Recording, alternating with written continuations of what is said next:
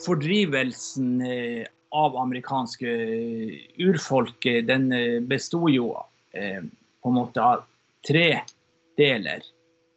Tre politiske deler etter at USA ble selvstendig i 1776. Og den første ble jo satt i kraft omkring 1830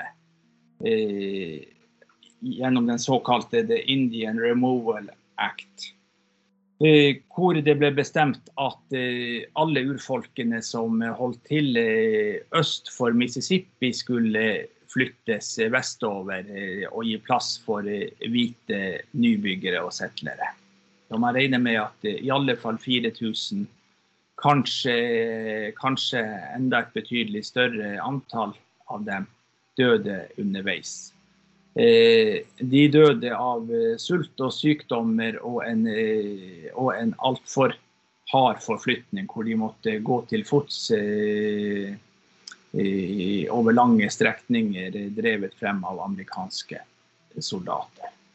Så betegnelsen 'Trail of Tears', altså tårenes vei, har sin opprinnelse fra denne tvangsforflytningen av cherokee-folket i 1838. Og eh, når man eh, ikke lenger hadde et område vestpå, når det, de hvite var kommet frem til California og Stillehavskysten, så kunne man ikke tvinge urfolkene lenger vestover. og Da endra man politikken fra å forflytte dem vestover til å konsentrere dem på reservater. Vårt eh, tema her er jo sult som våpen. Og I hvilken grad var sult en del av taktikken som de hvite amerikanerne brukte mot urbefolkningen?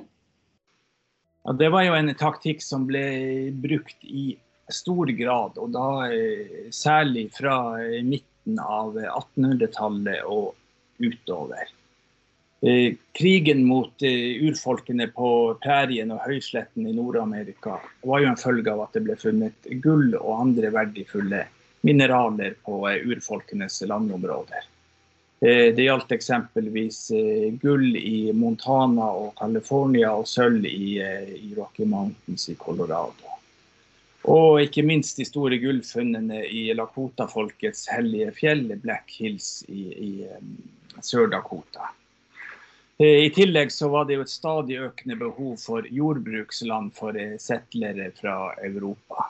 Og alt dette medførte jo et enormt press på urfolkenes eh, land. På 1860-tallet så var jo eh, præriefolket, lakotaene, arapahoene, cheyenne, comanchene eh, sterke og eh, de kjente landskapet og beherska eh, sine små hester, mustangene, til det fullkomne, slik at amerikanske soldater eh, var underlegne når de kom til kamp. Eh, det er jo en del kjente sitater fra den eh, tiden, bl.a. en av offiserene som eh, overlevde slaget ved Little Bighorn. Han beskrev Lakota-folket slik gode skyttere, gode ryttere og de beste krigere sola noensinne har kasta sine stråler på. Så taktikken til de amerikanske generalene som nylig hadde lagt bak seg den inntil da blodigste krigen i verdenshistorien, den amerikanske borgerkrigen, hvor også utsulting og nedbrenning av sivile bosettinger eh, ble tatt i bruk som våpen for å slå eh, konføderasjonen, altså sørstatene. Eh, de fant ut at denne taktikken også kunne brukes mot urfolkene, de, de amerikanske indianerne. Og da siterer jeg den den raskeste måten å tvinge indianerne til å bli bofaste og leve på en sivilisert måte, er å sende ti regimenter av soldater ut på prærien med ordre om å skyte ned bison inntil de blir for få til å være en matressurs for rødhudene. Og det var med andre ord lettere å tvinge urfolkene inn i reservater ved å skyte ned bisonflokkene, fremfor å eh, krige direkte mot, eh, mot urfolk. Og Forklaringen på hvordan man klarte å utrydde bison så raskt, den ligger i denne eh, kampanjen fra eh, ca. 1870.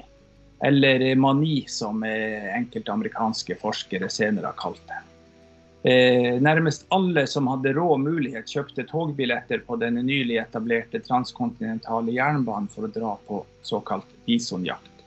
Og lent ut av togvinduene, togvinduene kunne man kunne både turistjegere og profesjonelle jegere skyte bison like raskt som de klarte å lade geværene sine. Og de som ikke hadde egne geværer, de fikk utdelt våpen, for det var en del av togets, eh, togenes sikkerhetsutrustning å ha geværer i tilfelle de ble angrepet av urfolk. Hva var resultatet av eh, denne nedskytingen? Eh, generalene fra borgerkrigen, støttet av amerikanske politikere, hadde da i, i løpet av, av disse tiårene, to tiårene klart å knuse den siste delen av de frie urfolkene i Nord-Amerika gjennom eh, nesten total utryddelse av kontinentets største landpattedyr, den amerikanske bison.